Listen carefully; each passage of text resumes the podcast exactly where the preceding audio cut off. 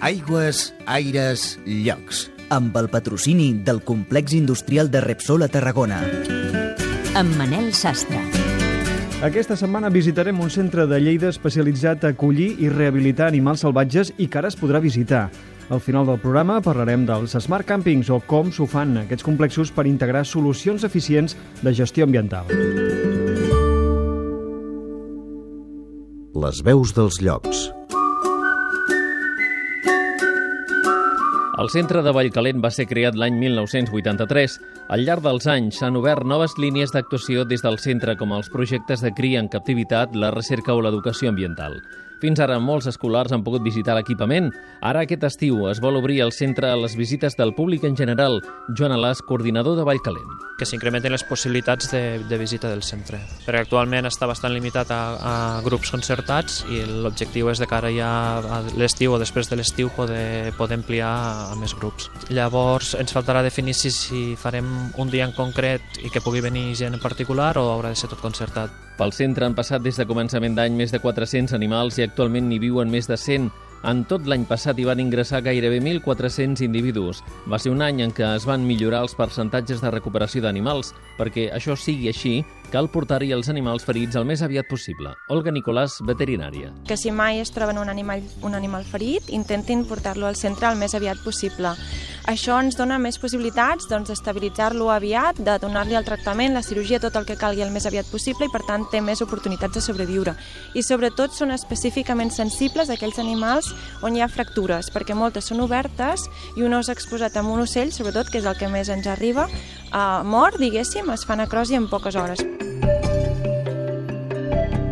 Hi ha també programes de cria en captivitat. Els animals que queden irrecuperables, que no, es, pot- que no poden ser retornats al medi natural, en cas que es podrien caber en un programa de cria, es, es quedarien aquí per, per poder-los criar en captivitat. Eh, En l'actualitat el centre està criant el trencalós, la trenca i l'òliva. L'objectiu principal del centre és alliberar els animals que ingressen. L'objectiu del centre sempre és l'alliberament, el retorn al medi d'aquest animal. Per tant, aquesta és la nostra prioritat. Si no es pot assolir aquest objectiu, doncs llavors s'intenten trobar alternatives. I segons l'espècie, segons cada cas concret, doncs s'intenta, per exemple, cedir per nuclis zoològics per educació ambiental, s'intenta que formin part de programes de cria, si interessa a altres llocs, doncs també es fa aquesta sessió. I si no es pot reubicar, doncs eh, aleshores possiblement l'última solució sempre és eh, l'eutanàsia humanitària. El 80% dels animals que arriben a Vallcalent són ocells, un 13% són mamífers, mentre que la resta són rèptils i amfibis.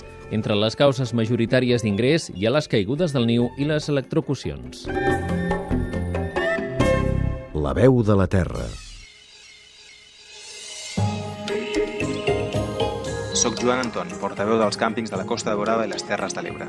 Parlem de Smart Campings. En parlar de sostenibilitat és important recordar que el negoci de càmping té una estreta relació amb el territori. Per al client de càmping és molt important el paratge i l'ambient en el que gaudirà del seu descans. Els empresaris de càmping ho tenim molt en compte i fem de la preservació i millora de l'ambient un dels nostres objectius. També ens hem apuntat d'hora a l'energia solar. La gestió de l'aigua de forma eficient ens interessa molt. En som grans consumidors i la necessitem per a mantenir els nostres parcs forestals, dels quals també en traiem la biomassa per calentar l'aigua. Si veniu a un càmping trobareu que és habitual que ens moguem en vehicles elèctrics. L'altra pota del concepte Smart, l'eficiència. Els accessos als càmpings estan vinculats a un lector de matrícules que a la vegada està vinculat a un programa de gestió. Sabent quina ocupació té en cada moment un càmping, es poden treure decisions, principalment respecte al manteniment, il·luminació i serveis com la restauració o la recollida de brossa. Els càmpings s'ubiquen en grans extensions de terreny i hem adoptat el wifi i la fibra òptica com la millor opció de comunicació punt a punt. Se'n beneficien els clients i també els gestors d'aquests petits pobles que som els càmpings.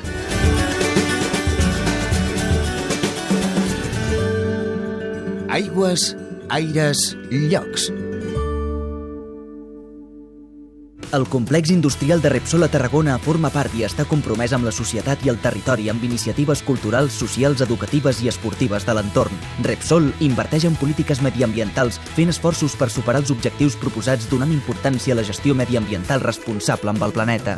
Aquest programa s'emet amb el patrocini del complex industrial de Repsol a Tarragona.